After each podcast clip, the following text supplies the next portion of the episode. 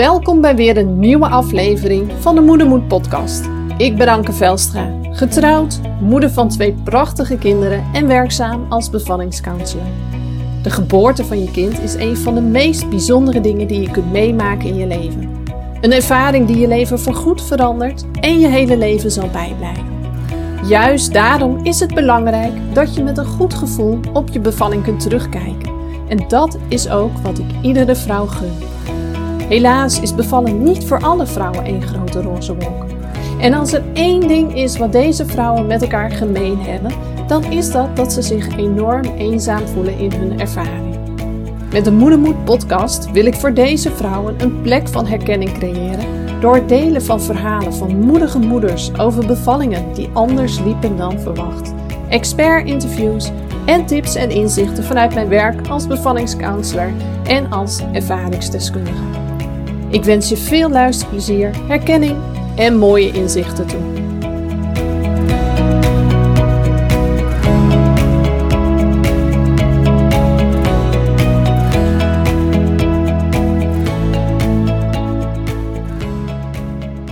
Hey, hoi, wat leuk dat je er weer bent.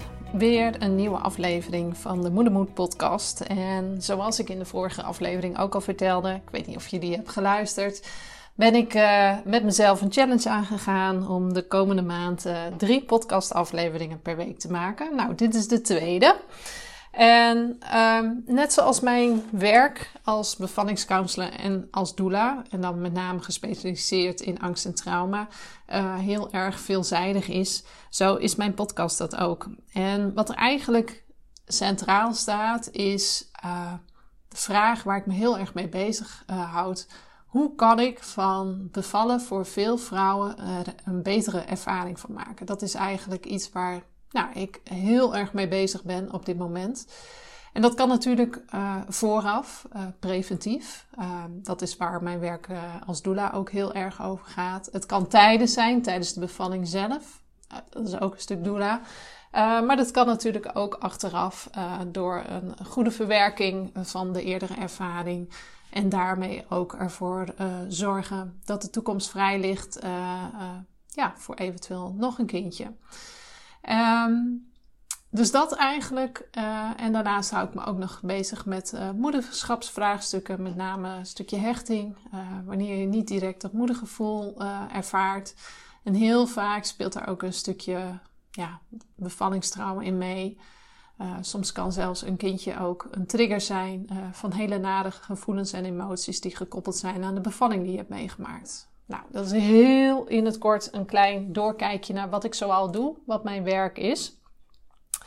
En uh, dus ja, de podcast die je uh, bij de Moedermoed podcast luistert, die gaan dus ook over al deze onderwerpen. Maar stress, trauma, uh, angst, dat zijn toch wel ja, de hoofdonderwerpen die op de verschillende vlakken weer terugkomen. En de podcast waar ik het vandaag over, uh, ja, het onderwerp van de podcast waar ik het vandaag met je over wil hebben, gaat over het herstel na bevalling. En sommige mensen, ja, je hebt ze er gewoon echt bij, die, die ja, poepen als het ware dat kind eruit uh, en zijn daarna eigenlijk direct weer op de been en kunnen alweer heel veel. Nou, ik was er absoluut niet één van en een heleboel vrouwen met mij niet. Um, maar goed, ja, dat herstellen kan best wel een dingetje zijn. En ik vond het wel mooi om daar uh, wat meer aandacht aan te besteden, zodat je daar een, misschien wat een realistischere kijk op krijgt. En uh, ja, ook weet hoe je zeg maar goed fysiek kunt herstellen en daar mentaal ook oké bij blijft. Want dat, dat speelt ook gewoon heel vaak mee. En ik kan er zelf over meepraten. Mijn eerste bevalling heeft het herstel lang geduurd. Ik denk dat ik ongeveer een jaar verder was. Ietsje meer, denk ik, voordat ik echt weer het gevoel had: ja, ik ben hersteld. Fysiek dan, hè. mentaal uh, duurde nog een paar jaar langer. Omdat ik gewoon niet wist dat ik uh, al die tijd met een bevallingstrauma rondliep. En de tweede keer denk ik dat ik nou, bijna anderhalf jaar verder was. Dat ik toen het gevoel had van ja, ik zit fysiek weer goed in mijn vel. Er speelden nog wel wat, uh, wat dingen. Ik, ik, heb wel wat meer schade opgelopen, zeg maar, door die bevalling. Uh, waar ik uiteindelijk ook voor naar Amerika ben geweest. Die podcast staat er ook ergens tussen de afleveringen. Dus als je daar meer over wil weten, dan uh, moet je die maar eens opzoeken. En um, ja, de tweede bevalling, zeg maar, dat begon al vroeg. Dat begon al in de zwangerschap. Met ongeveer 26 weken kreeg ik een, uh, een, een, bloeding. En ik wist vanaf 20 weken al dat mijn placenta voor de uitgang lag. En als je dat hebt, dan heb je gewoon een iets grotere kans op bloedingen tijdens je zwangerschap. En dat is altijd wel een reden om, uh, om direct aan de bel te trekken als je dat overkomt. En of dat nou een paar druppels zijn of uh, dat er een kraantje open gaat. Beide scenario's zijn mogelijk. Um, maar de reden waarom het zo belangrijk is, is dat het bloedverlies kan uh, de boel daaronder behoorlijk triggeren. en zelfs voor vroegtijdige weeën gaan zorgen. Dus toen ik dat meemaakte, was ik aan het werk. Ik stond toen nog voor de klas, twee dagen in de week. En uh, ja, het, het, het, rommelde. Het was niet veel, dus ik had eerst nog niet zoiets van, nou, ik ga direct bellen. Ik wachtte het nog wel even af en dan ging ik de keer erop naar de wc, want ik moest natuurlijk in één keer heel vaak naar de wc, voor mezelf ook om te checken. En dan was er weer niks en de keer erop daar wel. Dus ik appte alles wat met mijn man, van wat zal ik nou doen? Nou ja, ik had zelfs zoiets van: uh, het is nog een uurtje. Die kinderen zijn daarna uit. Ik uh, maak dat uurtje nog wel vol, zolang het mij niet bij de benen neerloopt. Dan red ik dat wel en dan ga ik daarna gewoon direct het ziekenhuis bellen om te overleggen. Dus zo gezegd en zo gedaan. Maar helemaal lekker zat het me niet en het zeurde me ook wat in mijn rug. En ja, dat heb je wel vaker als, zwanger, als je zwanger bent. Dus het, ik maak me daar ook niet direct zorgen om. Nou, de kinderen weg, ik heb gebeld. En toen moest ik natuurlijk uh, direct die middag langskomen. Dus ik ga nog heel uh, relaxed met mijn man op de fiets naar het ziekenhuis toe. Nou ja, inderdaad, bloedverlies. Ja, waarschijnlijk van de placenta. Oh ja, je baarmoederhals is ook al uh, behoorlijk verkort. En toen hebben ze nog een andere test gedaan, een fibronectine test. En daaruit bleek ja, dat de kans wel aanzienlijk groot was dat mijn baby binnen nu en een week geboren zou worden. En ik was 26 weken. En dat wil je eigenlijk niet horen bij die termijn. Nou, om een heel lang verhaal kort te maken. Ik werd uh, opgenomen, werd uh, naar uh, het dichtstbijzijnde academische ziekenhuis gebracht. ik heb daar een week gelegen. en vanaf dat moment wist ik, en dat werd me ook verteld, dat ik de rest van de zwangerschap een bloedverlies zou kunnen krijgen. en hoe vaak en in welke hoeveelheid, dat konden ze niet zeggen. Maar als je het eenmaal hebt gehad, dan is de kans groter dat het nog een keer gebeurt. En vanaf dat moment mocht ik bijna niks meer. Ik mocht niet meer tillen, ik mocht niet meer fietsen, ik mocht niet meer dit, ik mocht niet meer dat, ik mocht niet meer sporten. Ik mocht gewoon echt bijna niks. Nou, daar ging mijn plan om deze keer uh, heel fit uh, de bevalling in te gaan, zodat ik uh, daarna wat sneller zou kunnen herstellen. Dat, dat ging dus niet op, want ik mocht niet heel veel meer. En dat vond ik wel enorm balen. Ik moest mijn werk laten vallen. Nou, ik heb later in de zwangerschap aan het einde, of in ieder geval toen het de 32 weken voorbij was, want dat gaf mezelf een stuk rust, heb ik nog wel wat voor mijn bedrijf in die tijd gedaan. Uh, maar voor de klas dat kon gewoon niet meer. Was gewoon fysiek te zwaar werk. Zeker bij kleuters waar, waar ik toen uh, werkte. Uh, ja, en dan kom je in één keer thuis te zitten. Heb je een heel ander ritme. Uh, ja, je, je kan niet zoveel. Dus uh, ja, het was toch wel veel uh, lang uit op de bank. En ja. En toen had ik heel erg het idee nog van, nou oké, dit zijn dan nog een aantal weken. En ja, als straks die bevalling is geweest, dan zit het erop. En dan kan ik dan gewoon weer lekker werken aan mijn herstel. En dan, nou, dan heb ik dit achter de rug en dan is het ook klaar de hele bevalling of de hele zwangerschap heb ik nog wel wat bloedverlies gehad. Eigenlijk dagelijks, maar in kleine beetjes. Ik ben nog wel een paar keer opgenomen geweest.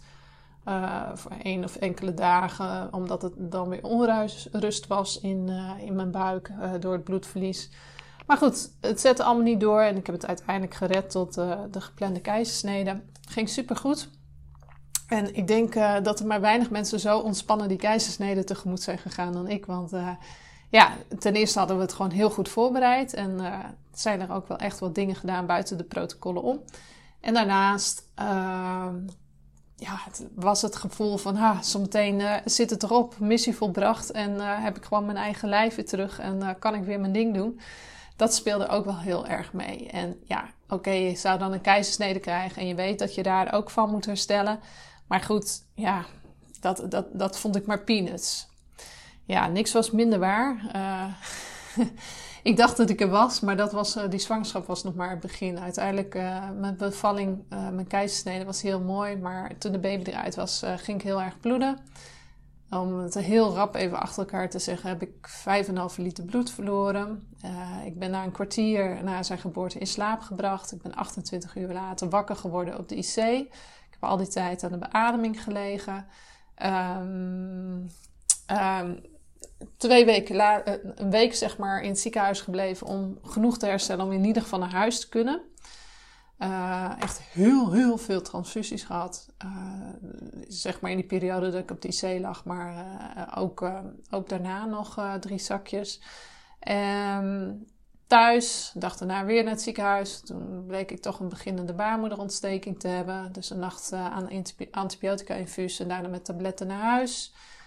Paar dagen thuis, kerst thuis gevierd, hartstikke fijn. Ik had een bed in de kamer en daar lag ik ook een groot deel van de dag op. En ik kon net een beetje naar de wc schuifelen. Ik had gelukkig nog wat, uh, wat hulp, kraamhulp over. Dus dat was wel heel, heel fijn. Ja, een dag na kerst, de laatste dag van de kraamhulp, konden ze me weer naar het ziekenhuis uh, sturen. Omdat ik gewoon voelde, mijn buik die was helemaal opgeblazen als een ballon, voelde niet goed. En uh, toen bleek dat er alweer een, een liter bloed in mijn baarmoeder zat.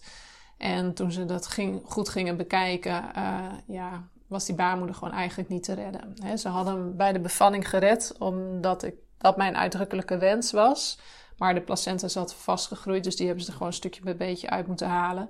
En de tweede keer, eh, toen ik dus weer terugkwam, toen zagen ze gewoon dat er nog placentaresten zaten. Toen zagen ze ook dat de wanden zo ontzettend dun waren geworden van al dat geschraap en gedoe dat ze eigenlijk niet goed meer durfde te curateren. En dat het ook voor de lange termijn de vraag zou zijn uh, in hoeverre die baarmoeder nog functioneerde. En of ik daar niet heel, heel erg veel problemen zou, van zou krijgen.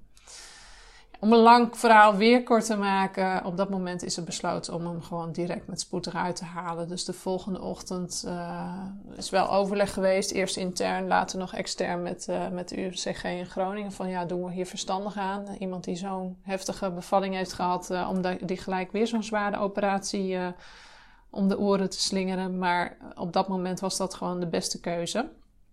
Dus ging ik weer. Toen nou, dat was wel heel pittig. Ik kwam moeilijk uit die operatie. Ik had het heel zwaar daarna, veel pijn ook. Ja, je hebt natuurlijk inwendig ook allemaal wonden, niet alleen die snee, maar ook, ja, er is toch een orgaan weggenomen. En um, even kijken. Ja, toen bleek ik een paar dagen later nog longembolieën te hebben ontwikkeld. Uh, toen ben ik met oud en nieuw nog met spoed naar de OK gebracht omdat ze dachten dat ik een darmperforatie had. Hebben ze een kijkoperatie gedaan, maar bleek mijn buik vol met bloed en stolsels te zitten. Dus die hebben ze nog schoongespoeld. Maar ik bleef, ja, ik heb veel dagen koorts, hoge koorts toen gehad voor die operatie. Uh, ja, ik, er bleven nog wel stolsels zitten, onder andere boven mijn blaas. En um, dat, die moest oplossen. En dat was gewoon ook heel erg zwaar. En ik, uh, door het liggen op de IC en uh, op de OK's had ik schade opgelopen aan een uh, zenuw in mijn elleboog. Dus die functioneerde niet meer. Toen ben ik daar dus ook nog twee keer aan geopereerd. Dus in anderhalf jaar tijd ben ik vijf keer geopereerd. Met alle nodige hersteldingen. dat was wel een dingetje. Ehm, dus ja, ik ben de eerste negen weken eigenlijk grotendeels bedlegerig geweest.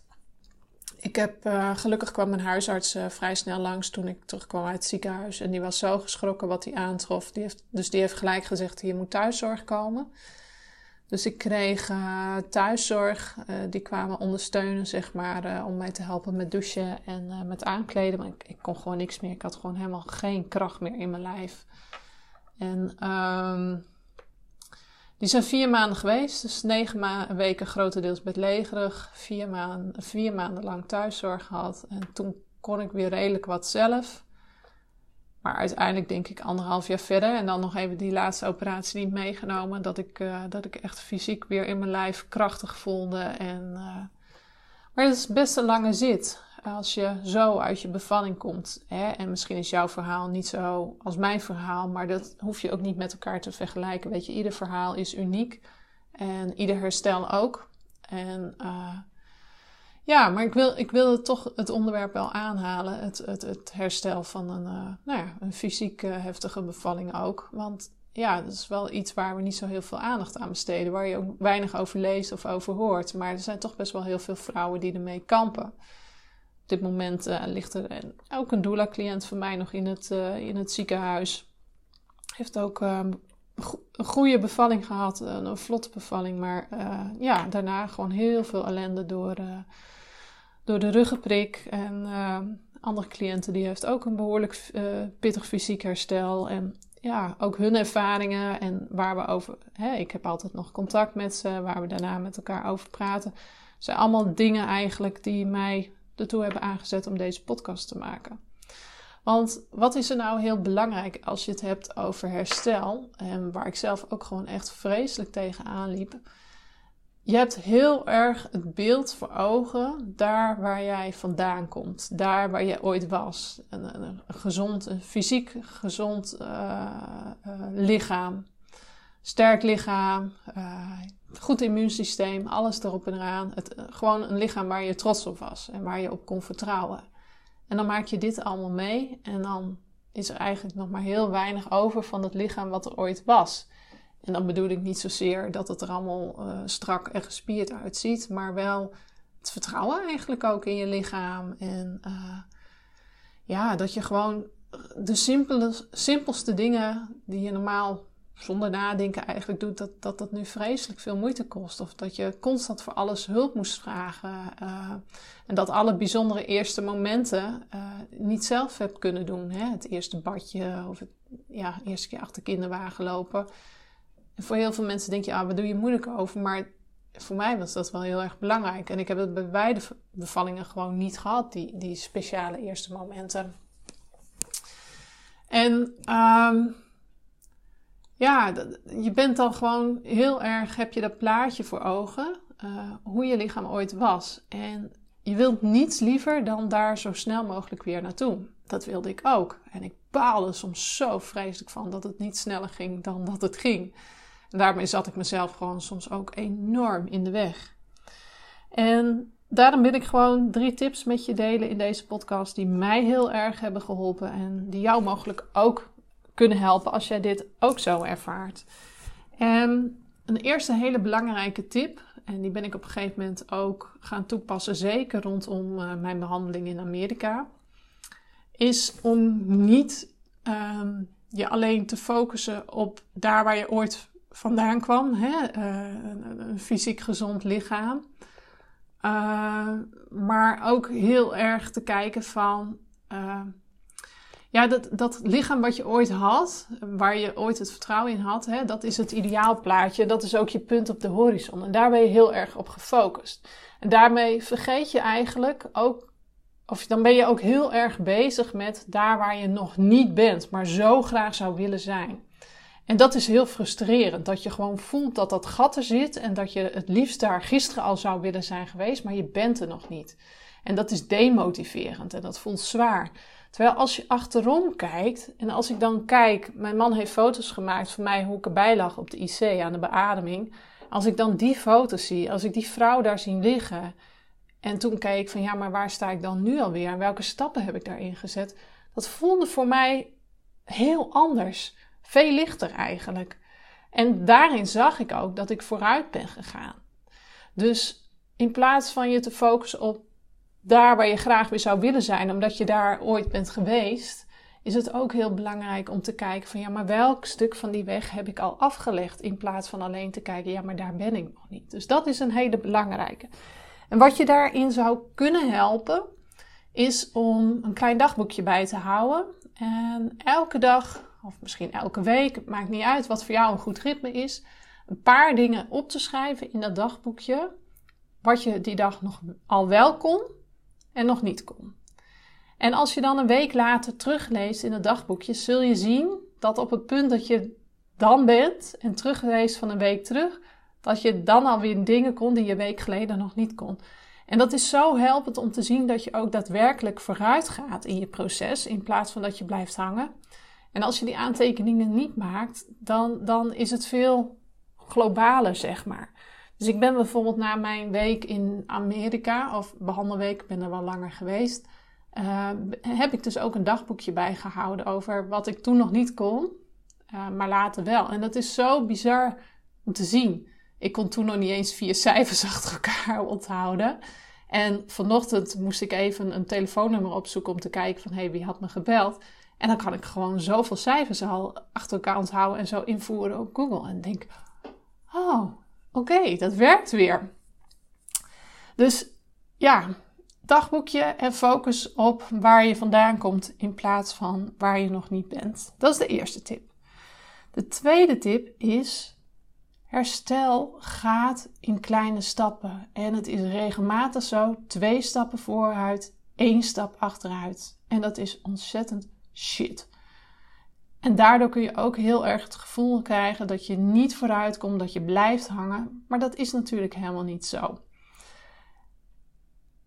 Ook hebben heel vaak het idee over herstel dat het een lineaire rechte lijn omhoog is. Maar daar zit dat is het ook niet.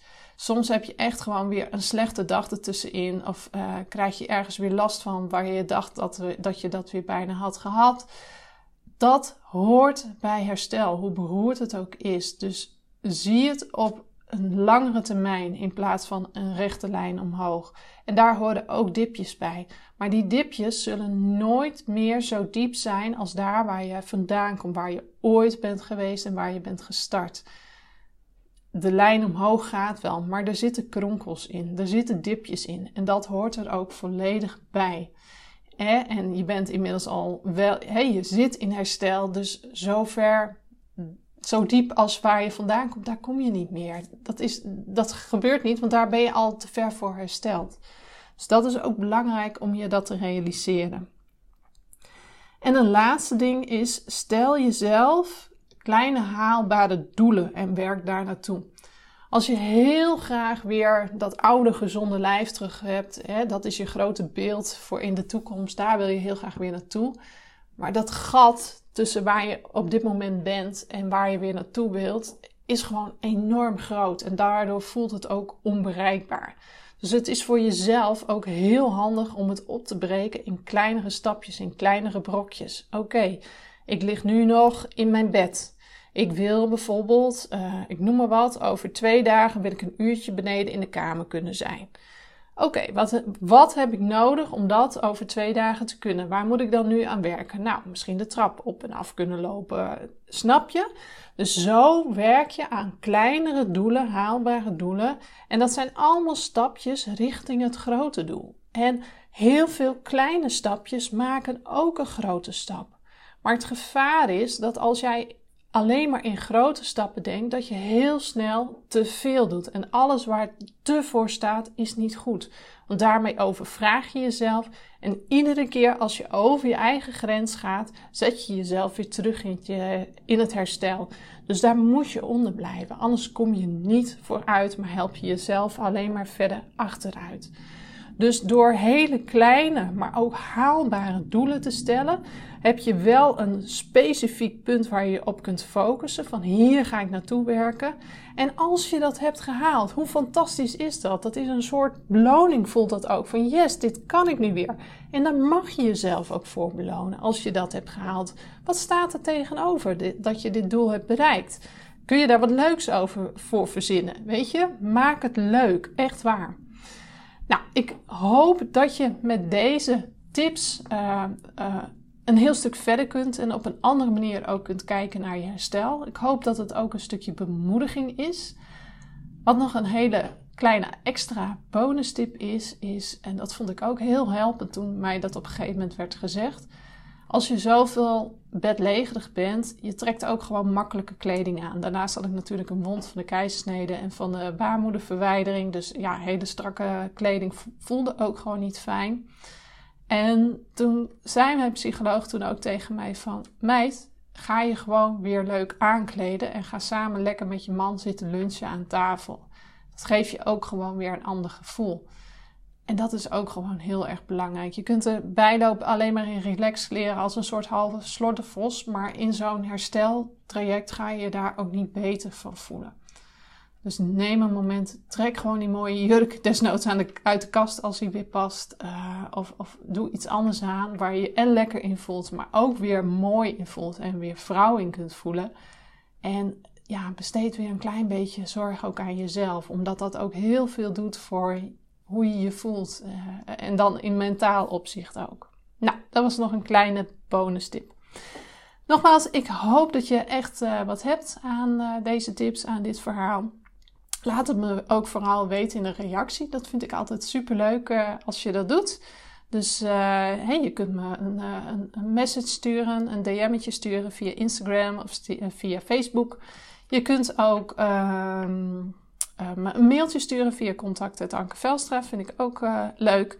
En daarnaast kun je me natuurlijk ook nog een beetje helpen met deze challenge. Want ja, drie podcasts in de week maken. Ik heb natuurlijk best wel aardig wat inspiratie om dingen te doen. Maar ik vind het ook gewoon echt super leuk als jullie vragen hebben. Waarvan je zegt: Goh, Anke, zou je daar eens een podcast over willen maken? Zou je daar eens je, je mening, je, je, je kijk op willen geven? Uh, laat me dat ook vooral weten. Stuur me je vraag toe. Leg even een beetje je situatie uit. En ik zal dat nooit met naam en toenaam delen in de podcast. Want zo ben ik niet. Ik vind privacy van mijn cliënten altijd heel erg belangrijk. Dus dat zal ik nooit doen. Dus ik zal dan een kleine omschrijving geven. En ik zal vervolgens daar uh, een podcast aan wijden. Dus doe dat vooral. Hartstikke leuk. Geef me die inspiratie. En uh, dan ga ik er wat moois uh, van maken deze komende maand. Nou, dankjewel voor het luisteren en uh, heel graag weer uh, tot de volgende podcast.